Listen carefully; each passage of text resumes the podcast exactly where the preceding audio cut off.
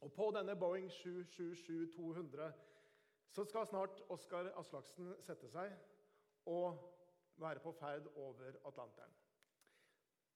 På høstkonferansen sist helg så hadde vi en utsendelse av seks personer fra vår menighet som denne høsten reiser fra oss, enten fordi de har fått en tjeneste, en arbeid i en annen menighet, eller skal engasjere seg i misjon for lengre tid. Og Oskar var en av disse. Han skal etter planen være to år leder eller stab på en disippeltreningsskole på Hawaii. Og På høstkonferansen så sa han følgende. Han sa det jeg nå skal, er jeg veldig underkvalifisert til.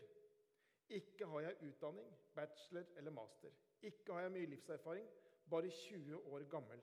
Ikke kan jeg noen andre språk enn engelsk og norsk.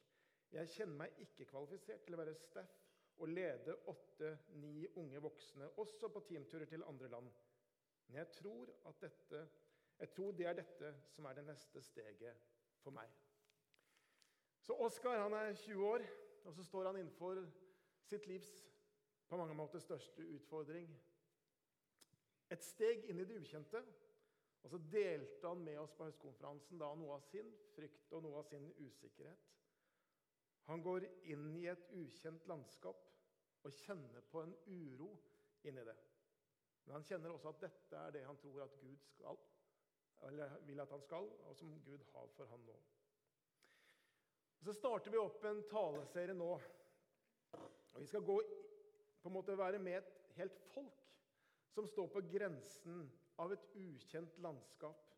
Vi skal gå inn i en tid da Israelsfolket, en tid i Israels historie, når de står ved bredden av Jordanelven, og så skal de bevege seg inn i et land, et ukjent land. De skulle gå en vei som var skremmende for dem, men det var dette landet Gud hadde gitt dem, og det var denne veien Gud ville at de skulle gå. Og Som overskrift for denne taleserien så har vi sagt 'modig tro'. Og så tenker jeg at det er sånn at på mange måter ja, Vi står ikke ved Jordan, men på mange måter står vi også ved kanten, ved grensen av et eller annet ukjent landskap. En framtid som ingen har sett, som ingen har vært inn i.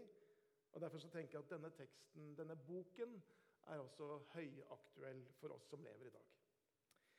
Så Denne serien henter sine tekster og historier da fra Josva-boken, som er Bibelens sjette bok. Kommer da etter de fem Mosebøkene. Og Den starter denne boken når Moses dør, og Israel gjør seg klar til å gå inn i det lovede landet. Så kan du jo spørre hvorfor i alle dager en taleserie over Josva-boken? Og Det er noen svar på det. Det ene er jo at uh, vi er en menighet som taler over bøker og tekster i Det gamle testamentet. Og I løpet av et semester vil typisk én eller to tekster være fra det gamle temaer være fra Det gamle testamentet. Serier. For vi tror nemlig, som også Jesus og de første kristne trodde, at også Det gamle testamentet er Guds åpenbarte ord til oss. Ja, det handler om Israel, og det var ord til de, men om vi forstår det rett, så er det også ord til den kristne kirke og til oss som lever her i dag. og Derfor er Det gamle testamentet viktig. Og Det er klart at det er enklere bøker også i Det gamle testamentet enn Josva. For det, denne boken forteller en brutal historie om krig, om mennesker som blir drept, om folkeslag som blir drevet ut av det landet som Gud hadde gitt til Israel. Og Kanskje er dette en av de vanskeligste bøkene i Det gamle testamentet. i Det hele tatt. Det er mange av og til av de vi møter, som begrunner sin ikke-tro nettopp i denne boken og disse historiene, og sier noe sånt som at 'jeg kan ikke tro på en Gud som gjør eller som tillater dette'. Så I løpet av denne serien så vil vi svare ut også noen av de der vanskelige spørsmålene. Jeg skal ikke gjøre det i dag. Jeg pleier som dere vet, å overlate de vanskelige tingene til Røyling, så han får plukke det opp seinere. Vi skal komme tilbake til noen av disse vanskelige spørsmålene. Men jeg tror Josva-boken er en del av vår bibel. Fordi den har noe viktig å fortelle oss om hvem Gud er, om hva tro er, om den kristne vandringen. Og Derfor er også temaet for denne første talen er dette Vær bare modig og sterk. Vær bare modig og sterk. Og Teksten er hentet fra Josva, kapittel 1. Og Vi skal lese de ni første versene der. Josva 1, 1-9, og vi leser i Jesu navn. Da Moses, Herrens tjener, var død, sa Herren til hans medhjelper Josva, Nuns sønn, Min tjener Moses er død. Gjør deg klar, gjør deg nå klar til å gå over Jordan, du og hele dette folket, inn i det landet som jeg vil gi dem, til israelittene. Hvert sted dere setter foten på, gir jeg dere, slik jeg lovte Moses. Området deres skal strekke seg fra ørkenen og Libanon til den store elven Eufrat, helt, hele Hittittelandet og helt ut til storhavet, der solen går ned. Så lenge du lever, skal ingen kunne holde stand mot deg.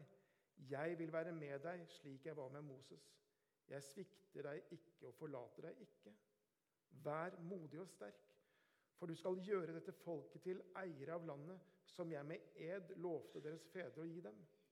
Vær bare modig og sterk, så du trofast følger hele den loven som Moses, min tjener, påla deg å holde. Vik ikke av fra den, verken til høyre eller venstre. Så skal du lykkes overalt hvor du går. Denne loven skal du alltid ha på dine lepper. Les fra lovboken dag og natt, så du trofast følger alt det som er skrevet i den. Da skal du ha fremgang der du ferdes, og alt skal lykkes for deg.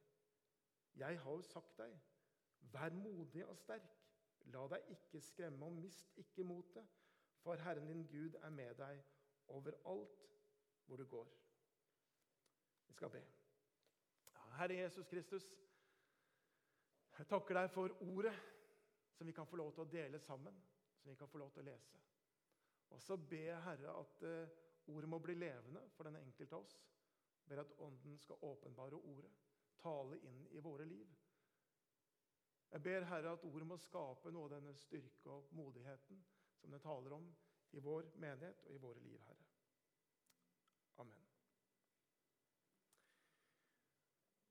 Det første jeg har lyst til å gjøre, det er å gå litt inn i den der mentale situasjonen som Israel og Josva befant seg i. Jeg har lyst til å si noe om frykten for det ukjente. For denne boken starter med følgende ord Da Moses, Herrens tjener, var død. Og I den setningen så skjønner vi på en måte at det er en, det er en viktig setning. Den har vekt.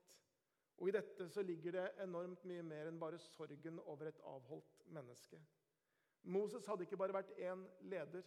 Han hadde vært lederen med stor L, ja, caps lock over hele ordet. Han hadde vært det mennesket som Gud hadde brukt for å føre Israel ut av Egypt, ut av fangenskap, lede det gjennom oppturer og nedturer i 40 års ørkenvandring. Men nå var de der helt ved grensen av det landet som de skulle gå inn i. Han var den som folk hadde stolt på. Han var den som de hadde gitt seg til. Han var den på en måte som de fulgte fordi de visste at Gud var med han. Riktignok fulgte de han litt sånn sutrende og murrende, men de fulgte han. Og Så står de innenfor den største utfordringen de har møtt siden de forlot Egypt, og så dør Moses. Det må ha vært et, en sjokk om man har sendt sjokkbølger i hele det israelske folk. Det var et paradigmeskifte, det var et lederskifte som kunne ta motet fra hver og en. 8.9. i år døde dronning Elisabeth 2. av Storbritannia. Hun ble 96 år, hadde vært regent i over 70 år, og hun ble begravet sist mandag. Og Selv om hun var gammel, og hennes dødsfall var jo ikke på en måte sånn sjokk at det skjedde Hun på en måte gikk imot det. Og Likevel så utløser det landesorg, ikke bare i Storbritannia, men over hele verden. Og En ting er også at det er sorg over henne, men hennes død representerer også et paradigmeskifte. og I ettertid er det mange som har, som har snakket om på en måte, hvordan kommer dette til å endre det britiske kongehus. Hun hadde ikke stor politisk makt, men enorm symbolsk makt. Og Det er allerede signaler om at det britiske samveldet nå slår sprekker.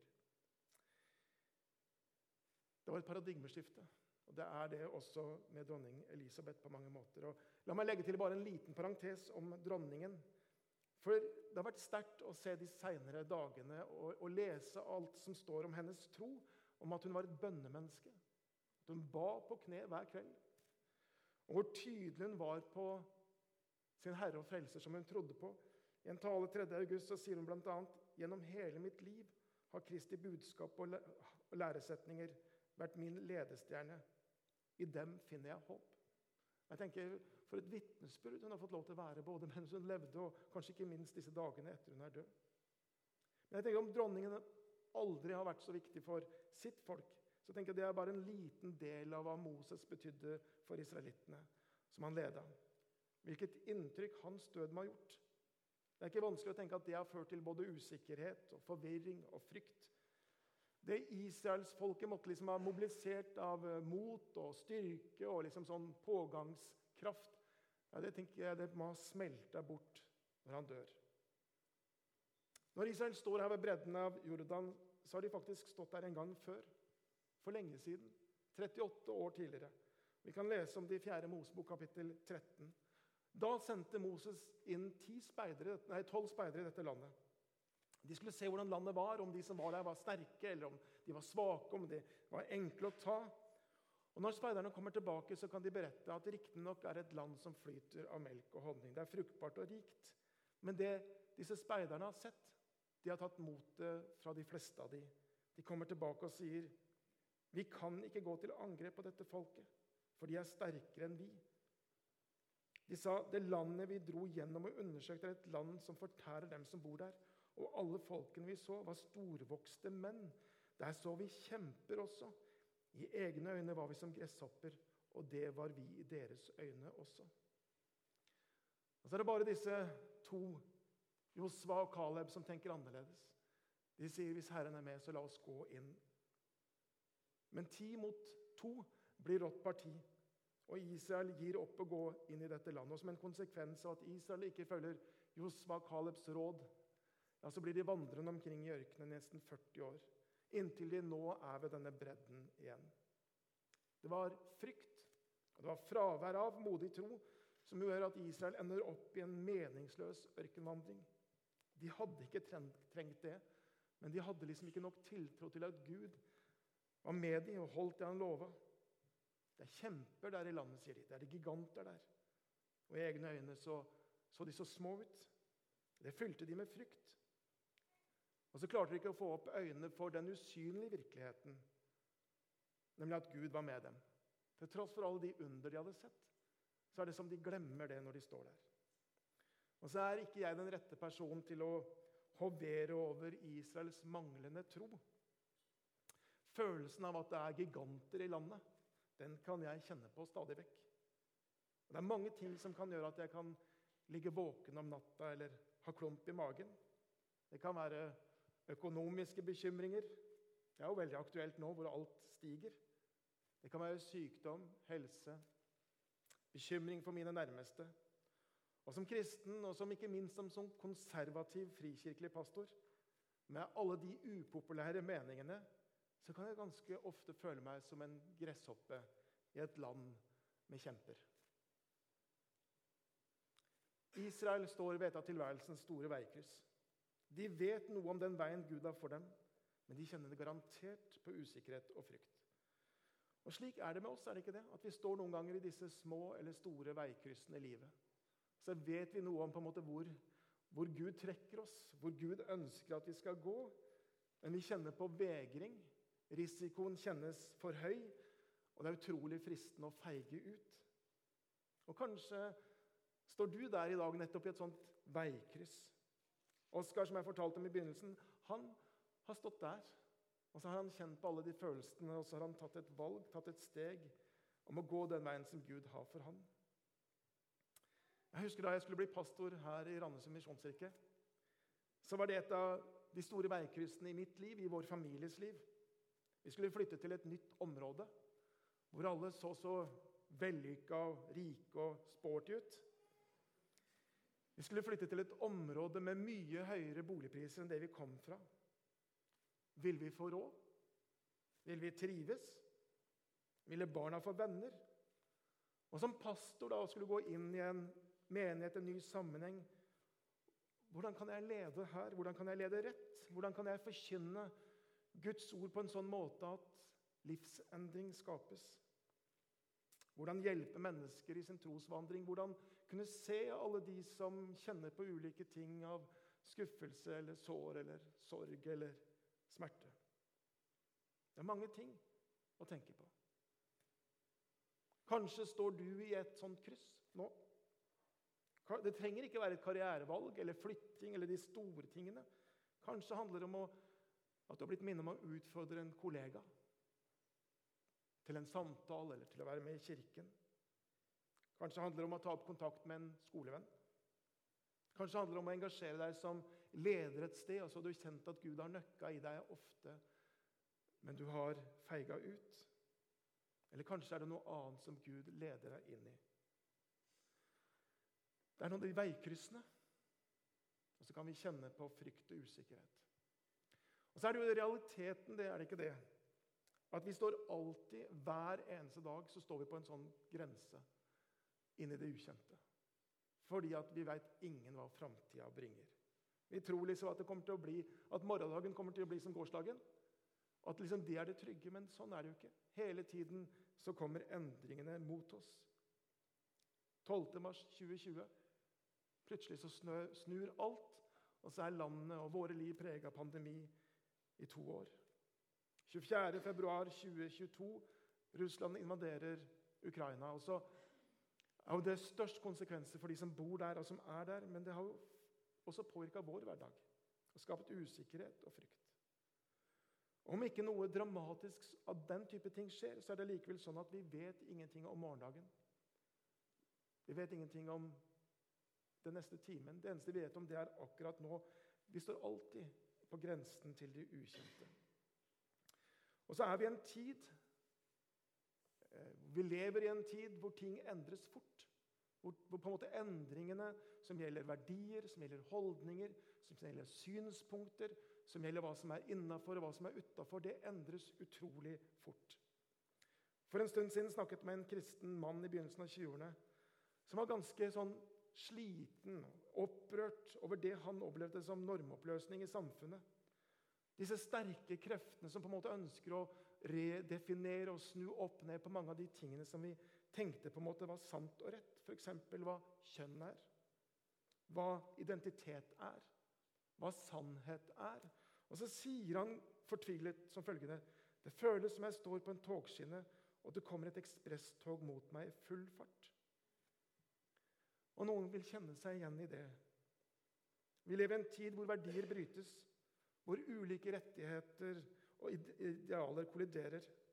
Og Noen feirer stadig nye seire, mens ganske mange opplever at både ytringsrom og meningsrom blir trangere og smalere. Det er kjemper der i landet. Ja, og vi kjente oss som gresshopper. Og det kan være lett å kjenne seg slik som kristen i dag. Så når Josfa står der ved Jordans bredd, inn i det lovede landet, tror jeg han kjenner på mye frykt og engstelse. Han skulle fylle skoene til Moses. Det er noe. Og han skulle føre Israel inn i en kampsone hvor de var underlegne på, i militær styrke. Og Dette er noe av de bakgrunnen for de veldig kjente versene som vi har her i kapittel 1 i Josfa. Du vet, De der versene som vi ofte gir som hilsener til konfirmanter, f.eks. Det står 'vær bare modig og sterk'. står det. Vær bare modig og sterk. Og Denne oppmuntringen fra Gud selv kommer ikke bare én gang, men det kommer tre ganger. I vers 6, i vers 7 og i vers 9. Og jeg tenker at Den eneste grunnen til at Gud må si det her tre ganger til Josva, det må jo være at Josva er alt annet enn modig og sterk. Er du ikke enig i det? Det er jo den som mangler dette, som trenger å høre nettopp dette budskapet. og Det var det jeg tror Josva var. Og så er det sånn at Når vi virkelig liksom kjenner på engstelse, eller vi er redd for noen ting, eller kjenner på uro, så hjelper det veldig lite at noen sier 'vær ikke redd'. Ja, det hjelper ikke at noen sier det. Eller at noen sier 'vær sterk'. Hvis du kjenner at du er svak og på en måte du har ikke noe mer, og du har lyst til å si 'hadde jeg kunnet vært sterkere, så hadde jeg jo vært det'. Og Det går an å på en måte høre disse ordene fra Gud på en litt sånn måte. Men det er ikke det. Det er noe langt mer. Tre ganger sier Gud til Josva, 'vær modig og sterk'. Og alle de tre gangene så gir Josva noen grunner eller noen ressurser hvor, til hvorfor Josva kunne være modig og sterk. Så dette er noe langt mer enn en sånn floskelfylt peptalk. Vi skal se på følgende tre grunner til at Josva, og for så vidt vi, kan være modige og sterke. Og Det første det handler om at vi kan være modige og sterke ved å stole på Guds løfter. For det står i vers 6.: Vær modig og sterk, for du skal gjøre dette folket til eiere av landet som jeg med ed lovet deres fedre å gi dem. Så det første er altså dette. Josva kan være modig og sterk ved å stole på Guds løfter. For Gud er en Gud som holder sin del av avtalen. Han holder sin del av pakten. Han holder sine løfter. Og løftet om land det var gitt mange århundrer tidligere til Abraham. Abraham får høre 'Jeg vil gi deg dette landet til din ett'. Og så har det blitt gjentatt av Gud til Isak og til Jakob. Og så har det blitt gitt til Moses, og her i vår tekst så blir det altså gitt til Josfa. Enda en gang. Gud holder sine løfter. Og hele Josfa-boken handler egentlig om én en eneste ting. Og det er dette at Gud holder sitt løfte. Han gir landet til Israel, som er gitt århundre før. Men det får sin oppfyllelse i Josfa. Og så tenker jeg Vi som tror på Jesus, vi som er kristne, vi har ikke fått noe løfte om et geografisk landområde. Vi har fått noe som er mye større. Vi har fått løfte om et liv. Et nytt liv, et løftes liv. Et forvandla liv, et evig liv som begynner allerede nå, og som varer helt inn i evigheten. Vi har fått et levende håp, står det i Peter. Og I dette livet så har vi fått mange løfter, som er generelle løfter, gitt til Guds menighet, gitt til den kristne. Og Bare for å ta noen få av de, så er vi lovet bl.a. at Gud skal svare våre bønner. At Gud skal gi oss hvile. At Gud skal styrke oss. At Gud skal sørge for våre behov. At Gud skal tilgi våre synder. At Gud skal gi oss visdom. Og så kunne vi fortsatt i med mange løfter. Vi kan være modige og sterke i den virkeligheten, i den tiden som vi lever i. Fordi Gud er en Gud som holder sine løfter. Og Så kan det noen ganger ta tid, og noen ganger kan det se ut som han har glemt det. Men nettopp historien om Josva viser det. Han står ved sine løfter. Han har ikke glemt det. Så det er den første grunnen til at også vi kan være modige og sterke. Og I vers 7 så gjentas oppfordringen å være modig og sterk med enda en begrunnelse. Her står det følgende.: Vær bare modig og sterk, så du trofast følger hele den lov som Moses, min tjener, påla deg å holde. Vik ikke fra den verken til høyre eller venstre, så skal du lykkes overalt hvor du går. Denne loven skal du alltid ha på dine lepper. Les fra lovboken dag og natt, så du trofast følger alt som er skrevet i den. Da skal du ha framgang der du ferdes, og alt skal lykkes for deg. Så Den andre grunnen til at Josfa kunne være modig og sterk, det er dette at i Guds ord så har han fått en ressurs. Vær modig og sterk ved å følge Guds ord. Det er dette Guds ordet åpenbart for Moses, som han skulle lese dag og natt. Som han skulle alltid ha på sine lepper som han ikke skulle vike av fra, verken til høyre eller til venstre, men som skulle trofast følge alt det som står der. Og så er løftet da, i det at hvis Josva gjør det, hva da? Jo, da skal han ha lykkes i alt han har fore. Da skal han ha fremgang der han ferdes. Og Så kan vi kanskje tenke at ja, men dette er jo et helt spesifikt løfte gitt til Josva i en spesiell tid osv. Og, så og det er helt riktig. Men det er bare at dette type løfte det repeteres igjen og igjen i Bibelen. F.eks. i Salme 1, hvor det står slik om den som har sin glede i Herrens lov. Det står han er like tre plantet ved rennende vann. Det gir sin frukt i rette tid, og løvet visner ikke. Alt han gjør, skal lykkes. Som oppfordringen i Josva 1 er gitt spesifikt til Josva, så er det likevel sånn at dette er en generell løfte i Bibelen som gjelder alle når vi virkelig lar Guds ord prege oss, når vi trenger inn i ordet, når vi, når vi leser det, når vi mediterer over det, når vi ser det, når vi også praktiserer det og holder det, ja, så er det faktisk et løfte her om at alt skal lykkes. Og så er spørsmålet hvordan forstår vi det? Jeg tror ikke at det er sånn at uh, du får bare en dans på roser. det er ikke det. Men det er noe med at når Gud leder deg inn i noe, da skal han faktisk også stå med det og la deg gå, la deg lykkes i det du går inn i. Vi lykkes i det vi går inn i, som er en del av Guds plan og Guds vilje og Guds vei.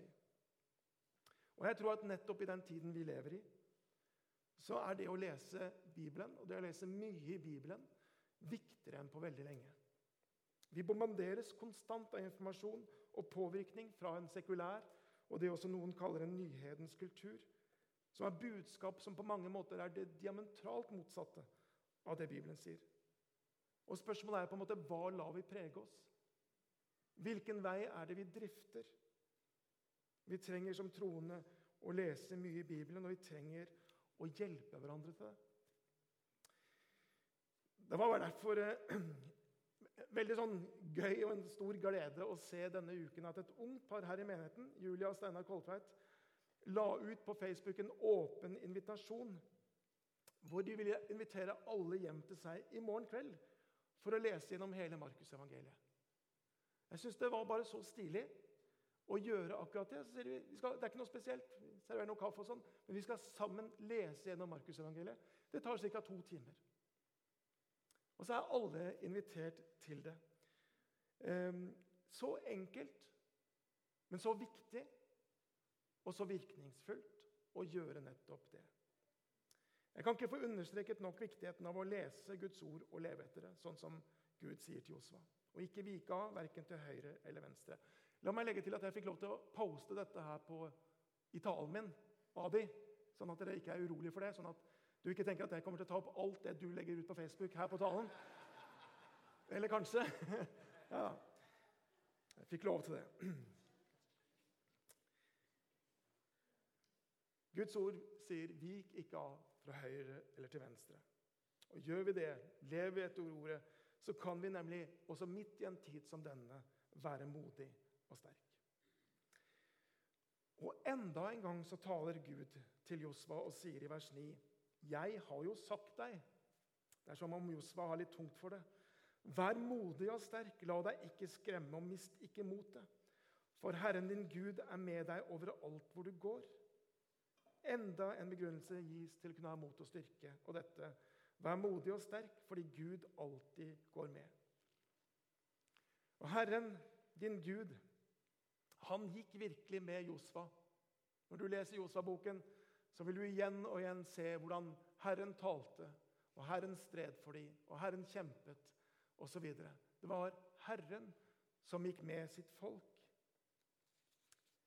Josfa han er en leder først og fremst fordi at han hører Guds stemme og Guds ord, og så leder han ut ifra det.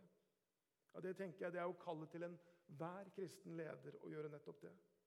Josva vinner kampene først og fremst fordi det er Herren som kjemper for Israel. Og så får de lov til å være med. Herren din Gud er med deg overalt hvor du går. Og så minner dette løftet som Gud gir her til Josva, veldig om et annet løfte. Som en annen gav som 1200-1300 år seinere, nemlig Jesus. Noe av det siste han sier før han farer opp til himmelen til sin kirke og sine disipler deretter. Og se, jeg vil være med dere alle dager inntil verdens ende. Det er den oppstandende Kristus, han som ga sitt liv for oss, han som beseiret døden. Han har gitt kirken, han har gitt oss dette løftet. Se, jeg vil være med dere alle dager. Det er ikke et løfte om at vi skal slippe kampene eller unngå kjempene eller lidelsen eller sykdom eller sorg eller noe av det. Men det er et løfte om at midt i alt det som skjer, så er han med.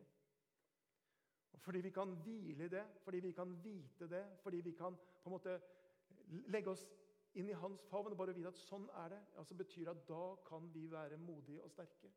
Fordi han går med. Josva får ikke beskjed om å bite tennene sammen, om å skjerpe seg, eller liksom å late som han er modig og sterk. Han kan være modig og sterk fordi Gud er en Gud som holder sine løfter. Fordi han kan følge Guds ord, og fordi Gud kommer til å være der bestandig. Så tenker jeg Derfor kan også du og jeg, i livets små eller store veikryss, i møte med en ukjent framtid, også når vi kjenner på uro, frykt og bekymring, så kan vi være modige og sterke. Fordi vi vet at Gud er en Gud som holder sine løfter.